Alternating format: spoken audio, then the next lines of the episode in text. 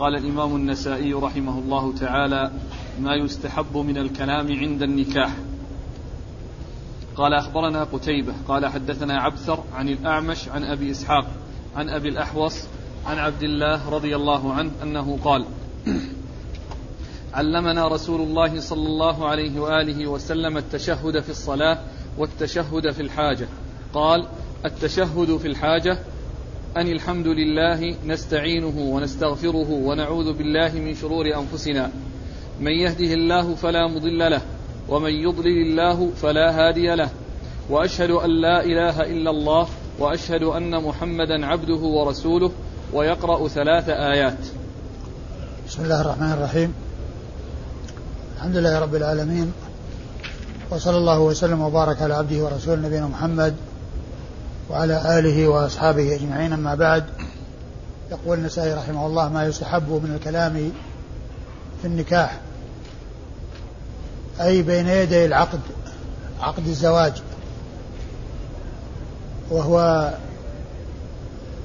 ما يذكر بين يديه من الحمد والثناء على الله والشهادة بأن بأن لا إله إلا هو وأن محمدا عبده ورسوله ثم يقرأ ثلاث آيات. أول سورة النساء وفي أثناء سورة آل عمران وفي آخر سورة الأحزاب.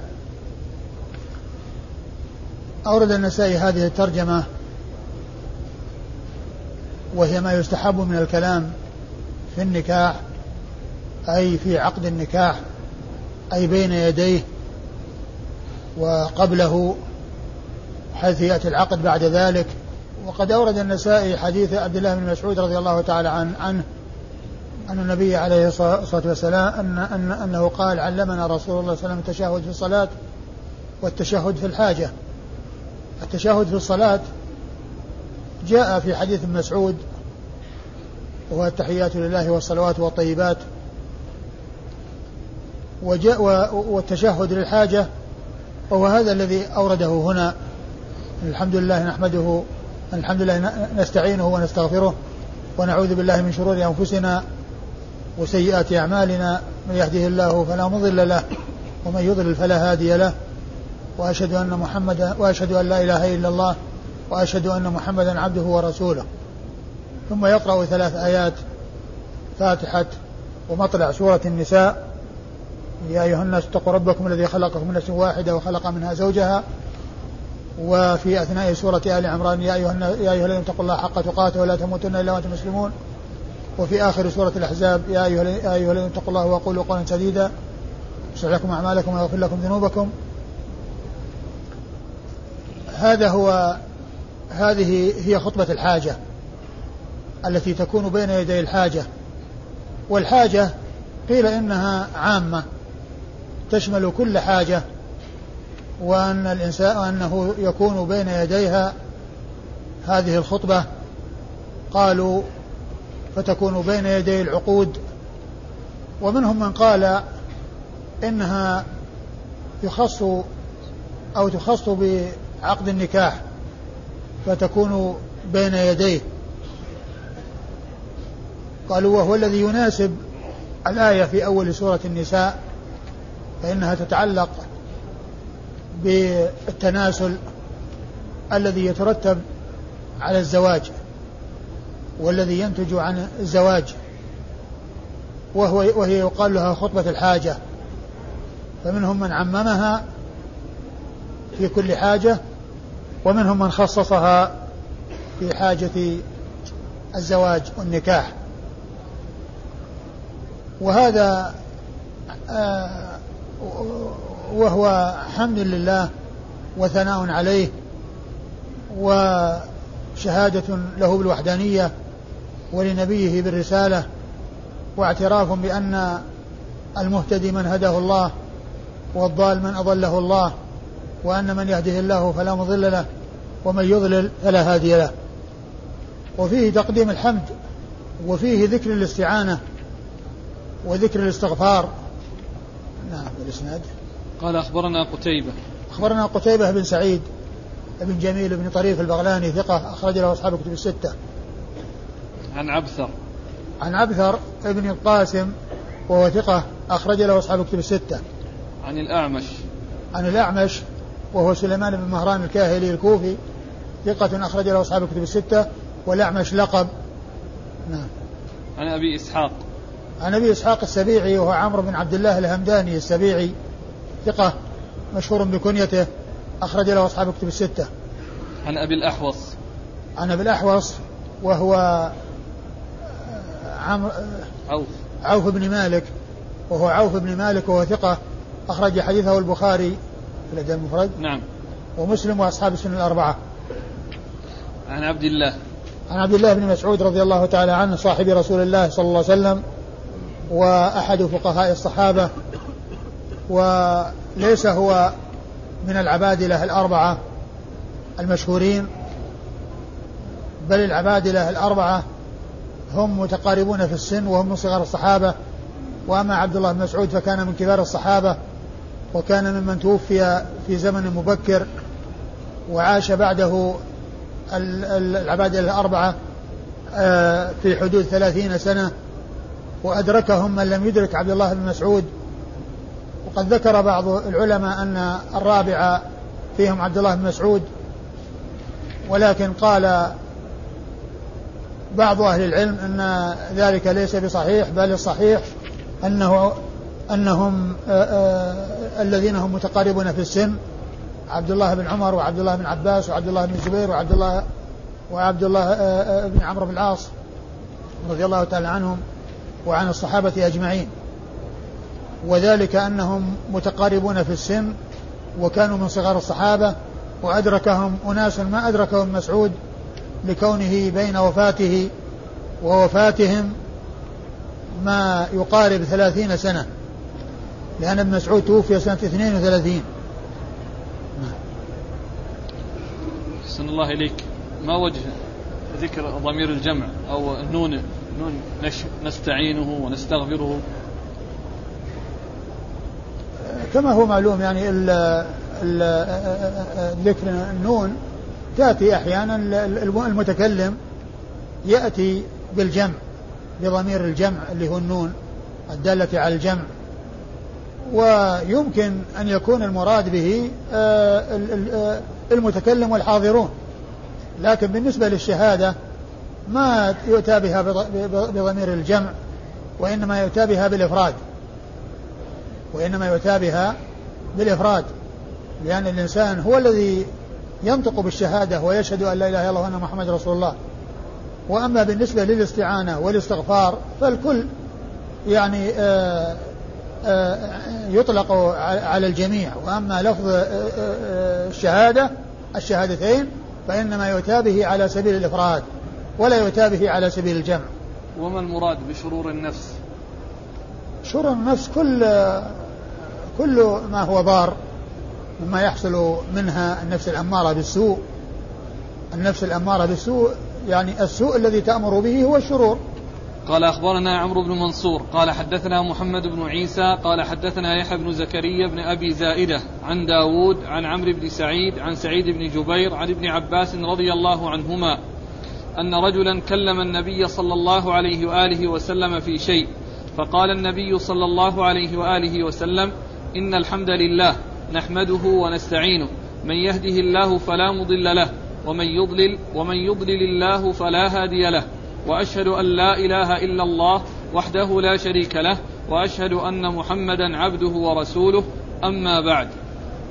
ثم أورد النسائي حديث ابن عباس آه ابن عباس. نعم. ثم ورد النسائي حديث ابن عباس وهو يتعلق بخطبة الحاجة و ويعني وهو يدل على العموم يعني في ذلك وأنها لا تخص النكاح وإن كان النكاح هو من أولى ما يؤتى بها بين يديه ما يؤتى بها بين يديه أي بين يدي عقد النكاح لكن يمكن أن يؤتى بها في غيره يعني في الخطب وفي بين يدي الحديث في شيء والكلام في شيء.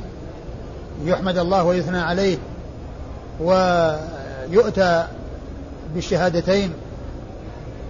ثم أما بعد ويذكر ما يريد. أيوه.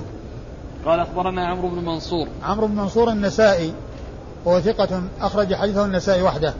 عن محمد بن عيسى. عن محمد بن عيسى وهو ابن الطباع وهو ثقة أخرج حديثه. هو ابن النجيح البغدادي. أي نعم ابن الطباع. أخرج له البخاري البغدادي ابن الطباع. أخرج له البخاري تعليقا وأبو داود والترمذي في الشمائل والنسائي وابن ماجه. أخرج له البخاري البخاري تعليقا وأبو داود والترمذي في الشمائل والنسائي وابن ماجه. عن يحيى بن زكريا بن أبي زائدة. عن يحيى بن زكريا بن أبي زائدة هو ثقة أخرج حديث أصحاب الكتب الستة. عن داود. عن داود بن أبي هند وهو ثقة أخرج حديثه البخاري في الأدب. البخاري تعليقا. البخاري تعليقا ومسلم وأصحاب السنة الأربعة. عن عمرو بن سعيد. عن عمرو بن عن عمرو بن سعيد الثقفي وهو ثقة أخرج حديثه. البخاري في الأدب المفرد. البخاري في الأدب المفرد ومسلم وأصحاب السنة الأربعة. عن سعيد بن جبير. عن سعيد بن جبير وهو ثقة أخرج حديثه أصحاب الكتب الستة. عن ابن عباس. عن ابن عباس عبد الله بن عباس بن عبد المطلب ابن عم النبي صلى الله عليه وسلم وأحد العبادلة الأربعة من الصحابة وأحد السبعة المعروفين بكثرة الحديث عن النبي صلى الله عليه وسلم. قال ما يكره من من الخطبة. قال أخبرنا إسحاق بن منصور قال أخبرنا عبد الرحمن قال حدثنا سفيان عن عبد العزيز عن تميم بن طرفة عن عدي بن حاتم رضي الله عنه قال تشهد رجلان عند النبي صلى الله عليه وآله وسلم فقال أحدهما من يطع الله ورسوله فقد رشد ومن يعصهما فقد غوى. فقال رسول الله صلى الله عليه وآله وسلم بئس الخطيب أنت. ثم ورد النسائي ما يكره من الخطبة يعني من آه، آه، آه، الإجمال الذي يكون فيها والمقام يقتضي التفصيل والإظهار والبيان. وأورد حديث من؟ عدي بن حاتم. حديث عدي بن حاتم الطائي رضي الله تعالى عنه. أن أن أن أن أن رجلين تشهدا عند رسول الله صلى الله عليه وسلم فقال أحدهما من يطع الله ورسوله فقد رشد ومن يعصهما فقد غوى. ومن يعصهما فقد غوى. فقال بئس خطيب القوم أنت؟ وبين له كما يعني في بعض الروايات أن يقول ومن يعص الله ورسوله يعني بدل ومن يعصهما فقد غوى. ومحل الرد عليه والذم كونه جمع بين ضمير الضمير لله ولرسوله صلى الله عليه وسلم بقوله ومن يعصهما فقد غوى لكن جاء عن النبي عليه الصلاة والسلام في بعض الأحاديث أنه جمع الضميرين يعني الضمير ليرجع إلى الله جمع بين الضمير يرجع إلى الله والضمير يرجع إلى رسوله. ومن يعصهما فلا يضر إلا نفسه. ومن يعصهما فلا يضر إلا نفسه. في بعض الأحاديث عند أبي داود وهو يعارض ما جاء في هذا الحديث. وأجيب أو وفق يعني بين ما جاء هنا وما جاء هناك بأن المقام الذي يقتضي البسط ويقتضي الإظهار والبيان ما يصلح فيه الإجمال. وإن كان جمع الضميرين آه سائغ وممكن وجاء في كلام الرسول صلى الله عليه وسلم وجاء في القرآن جمع الضمير يرجع إلى الله عز وجل وإلى الملائكة فقول الله عز وجل إن الله وملائكته يصلون وكلمة يصلون يعني يرجع إلى الله وإلى الملائكة فجمع الضمير آه لله عز وجل ولرسوله صلى الله عليه وسلم سائغ ولكن ليس في كل مقام. وليس في كل مجال بل من المقامات والمجالات ما يقتضي البسط والإيضاح ومنها ما ومنها ما يناسب فيه الإجمال. ولكل مقام مقال كما يقولون. قال أخبرنا إسحاق بن منصور. أخبرنا إسحاق بن منصور وهو الكوسج وهو ثقة أخرج حديث أصحاب الكتب الستة إلا أبا داود. عن عبد الرحمن. عن عبد الرحمن وهو بن مهدي البصري ثقة. أخرج حديث أصحاب الكتب الستة. عن سفيان. عن سفيان الثوري سفيان بن سعيد المسروق الثوري ثقة فقيه وصف بأنه أمير المؤمنين في الحديث وحديثه أخرجه أصحاب الكتب الستة. عن عبد العزيز. عن عبد العزيز بن رفيع وهو ثقة أخرج له أصحاب الكتب الستة. عن تميم بن طرفة. عن تميم بن ابن طرفة وهو ثقة أخرج حديثه. مسلم وأبو داود والنسائي وابن ماجه. مسلم أخرج حديث مسلم وأبو داود والنسائي وابن ماجه. عن عدي بن حاتم. عن عدي بن حاتم الطائي صاحب رسول الله صلى الله عليه وسلم وحديثه أخرجه أصحاب كتب الستة. قال باب الكلام الذي ينعقد به النكاح. قال أخبرنا محمد بن منصور عن سفيان قال سمعت أبا حازم يقول سمعت سهل بن سعد رضي الله عنهما يقول إني لفي القوم عند النبي صلى الله عليه وآله وسلم فقامت امرأة فقالت يا رسول الله إنها قد وهبت نفسها لك فرأ, فرأ فيها رأيك. فسكت فلم يجبها النبي صلى الله عليه وآله وسلم بشيء. ثم قامت فقالت يا رسول الله إنها قد وهبت نفسها لك فرأ فيها رأيك. فقام رجل فقال زوجنيها يا رسول الله. قال هل معك شيء؟ قال لا. قال اذهب فاطلب ولو خاتما من حديد. فذهب فطلب ثم جاء فقال لم أجد شيئا ولا خاتما من حديد. قال هل معك من القرآن شيء؟ قال نعم. معي سورة كذا وسورة كذا. قال قد أنكحتكها على ما معك من القرآن. ثم أورد النسائي هذه الترجمة وهي ما, ما ينعقد به. الكلام الذي ينعقد به النكاح. الكلام الذي ينعقد به النكاح يعني آه اللفظ الذي يتم به عقد النكاح. والمقصود والمقصود به لفظ الإنكاح الذي كما جاء في الحديث. وكذلك التزويج الذي جاء أيضا في أول الحديث في قوله زوجنيها يا رسول الله. قال زوجنيها وقال في الآخر أنكحتكها. أنكحتكها على ما معك من القرآن. على ما معك من القرآن. الحاصل أن المقصود به اللفظ الذي يتم به عقد النكاح وهو لفظ الإنكاح ومثله لفظ التزويج. لأنها كلها بمعنى واحد والكل جاء في الحديث. الصحابي قال زوجنيها والرسول صلى الله عليه وسلم قال أنكحتكها. فإذا قال زوجتك وقال أنكحتك كل ذلك صحيح ويتم به عقد الزواج وعقد النكاح.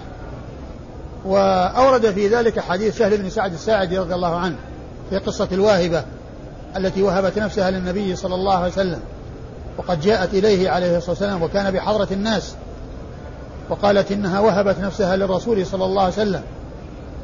فرأ في رأيك أو رأى فيها رأيك يعني على الحكاية أنه يحكي كلامها على ضمير الغيبة.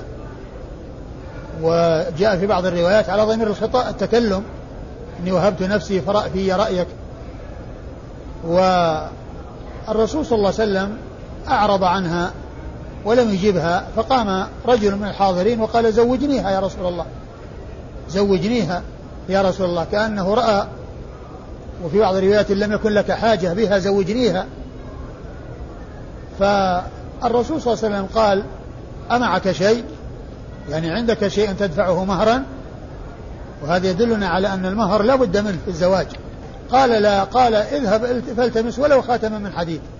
يعني التمس شيئا من المال ولو كان يسيرا جدا كالخاتم من الحديد. فذهب والتمس ولم يجد شيئا.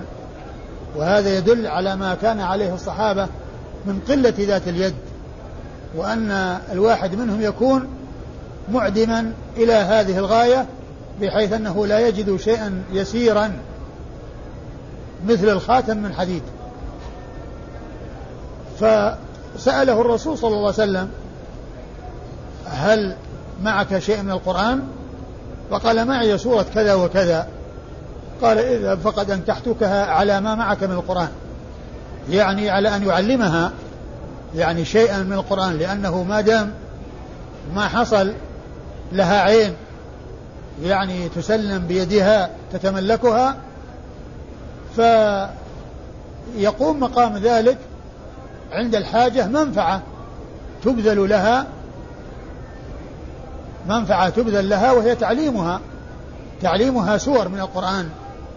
تكون استفادت منه بكونه علمها ويكون ذلك مهرها ويكون ذلك مهرها. يعني هذه المنفعة التي بذلت لها وهي تعليمها شيء من القرآن وهو محتاج إلى الزواج وهي محتاجة إلى الزواج ولم يكن هناك ولا خاتم من حديد عند ذلك ينتقل إلى مثل هذه المنفعة إلى مثل هذه المنفعة التي هي التعليم تعليم شيء معين. تعليم شيء معين. قد أنكحتكها على ما معك من القرآن. ومحل الشاهد من هذا الحديث قوله قد أنكحتكها لأن هذا هو الذي ينعقد به لفظ النكاح. ومثله لفظ التزويج. أيوه. قال أخبرنا محمد بن منصور. أخبرنا محمد بن منصور وهو الجواز المكي ثقة. أخرج حديثه النسائي وحده. عن سفيان سفيان. وهو بن عيينة المكي ثقة. أخرج له أصحاب الكتب الستة. عن أبي حازم. عن أبي عن أبي حازم وهو يروي عن من؟ عن سهل؟ عن سهل نعم. وهو سلمان الأشجعي وهو ثقة أخرج حديثه. سلمان. سلمة بن دينار. سلمان بن دينار ولا سلمان الأشجعي؟ سلمة بن دينار. سلمان الأشجعي يروي مر معنا الظاهر عن أبي هريرة. ها؟ أقول سابقا كان يروي عن غيره. لكن وجدت منصوص من سلمة بن دينار؟ سلمة بن دينار وش وش وش من أي طبقة؟ اي نعم. لأن يا شيخ في أول باب مر معنا هذا الحديث؟ وذكرنا هناك سلامة بن دينار. سلمة بن دينار. نعم. يعني مر الحديث؟ اي اي يعني قريب يعني؟ لا في لا لكن اللي سبق أن مر بنا قريبا. يعني في سلمة بن دينار في أبو حازم. هذا الحديث اللي بين يدي في أول باب. أيوه. من كتاب النكاح. أيوه. في سل... أبو حازم عن سل... عن سالم بن سعد. أيوه. عن سلمة بن سعد. قلنا سلمة بن دينار. أه؟ وقلنا إيه نعم سلمة ذكرنا دينار. هناك سلمة بن دينار. طيب سلمة بن دينار. وهو سلمة بن دينار وهو ثقة وهو ثقة أخرج حديث أصحاب الكتب الستة. عن سهل بن سعد. عن سهل بن سعد الساعدي صاحب رسول الله صلى الله عليه وسلم وحديثه أخرجه أصحاب الكتب الستة. يا شيخ لو قال هذا اللفظ بال- باللهجة العامية قال مثلا جوزتك. يعني إذا كان ما يستطيع ينطق بزوجتك هو المهم المعنى. لكنه يعني إذا قال جوزتك قال زوجتك يعادل الكلام ويقول زوجتك. أقول يعادل الكلام عليه وإذا لم يستطع إلا هذا يعني يمكن. قال الشروط في النكاح. قال أخبرنا عيسى بن حماد قال أخبرنا الليث عن يزيد بن عن يزيد بن أبي حبيب عن أبي الخير عن عقبة بن عامر رضي الله عنه عن رسول الله صلى الله عليه وآله وسلم أنه قال إن أحق الشروط أن يوفى به ما استحللتم به الفروج ثم ورد النسائي آه، ترجمة وهي الشروط في النكاح. الشروط في النكاح. يعني أن ما اشترط في النكاح مما هو سائغ فإنه أولى وأحق بأن يوفى به. وقد أورد النسائي حديث عقبة بن عامر. عقبة بن عامر الجهني رضي الله عنه. أن النبي عليه الصلاة والسلام قال إن حق الشروط أن توفى أن يوفى أن أن يوفى به ما استحللتم به أن الفروج. يوفى به ما استحللتم به الفروج إن حق الشروط أن يوفى إن حق إن حق الشروط أن يوفى به ما استحللتم أن يوفى نعم أن يوفى به ما استحللتم أن يوفى به ما استحللتم به الفروج يعني هذا فيه بيان تأكيد ولزوم وتعين الوفاء بالشروط التي تشترط عند العقد بين الرجل والمرأة. فإذا التزم لها بشيء واشترطت عليه شيء والتزم به فإن عليه أن يوفي به بل هو أحق بالوفاء. ولهذا يعني آه، أشار إلى أنه استحل به الفرج فعلى فعلى من اشترط عليه شرط وقد استحل الفرج بالنكاح الم- ال- ال- ال- ال- المشروط به هذا الشرط عليه أن يوفي به. وقوله استحللتم به الفروج فيه يعني آه، حظ وتحريض على الوفاء بالشروط لأن هذا حصل به الاستحلال حصل به الاستحلال. وما دام الاستحلال قد وجد وما كان من عندها قد بذل فعليه أبي- أن يبذل ما كان عنده وما كان عليه مما اشترط عليه لأن البضع قد استحل وكان استحلاله بعقد مبني على شرط فعلى من اشترط عليه شرط سائغ وصحيح وغير باطل أن يبادر إلى الوفاء به لأنه قد استحل به الفرج. قال أخبرنا عيسى بن حماد. أخبرنا عيسى بن حماد المصري وهو ثقة أخرج حديثه مسلم وأبو داود والنسائي بن ماجه. نعم. مسلم وأبو داود والنسائي بن ماجه. عن الليث. عن الليث بن سعد المصري وهو ثقة فقيه أخرج حديث أصحاب كتب الستة. عن يزيد بن أبي حبيب. عن يزيد بن أبي حبيب المصري أيضا وهو ثقة أخرج له أصحاب كتب الستة. عن أبي الخير. عن أبي الخير وهو مرثد بن عبد الله ال- ال- اليزني وهو ثقة أخرج حديث أصحاب كتب الستة. عن عقبة عن بن عقبة بن عامر الجهني رضي الله عنه وهو صحابي أخرج حديث أصحاب الكتب الستة. وهذا الإسناد مسلسل بالمصريين لأنه لأن كل رجاله مصريون. نعم. قال أخبرنا عبد الله بن محمد بن, تميم.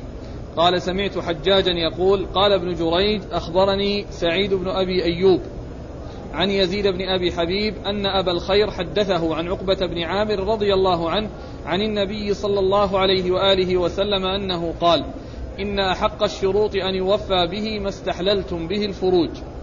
ثم ورد النسائي حديث ابن عباس. عقبة بن حديث عامر. عقبة بن عامر من طريق أخرى. وهو مثل الذي قبله والإسناد. قال أخبرنا عبد الله بن محمد بن تميم. أخبرنا عبد الله بن محمد بن تميم وهو ثقة. نعم. أخرج له. مسائي وحده وهو ثقة أخرج حديثه النسائي وحده عن حجاج. عن حج عن حجاج بن محمد المصيصي وذاك أيضا مصيصي وهو ثقة أخرج له أصحاب كتب الستة. عن ابن جريج.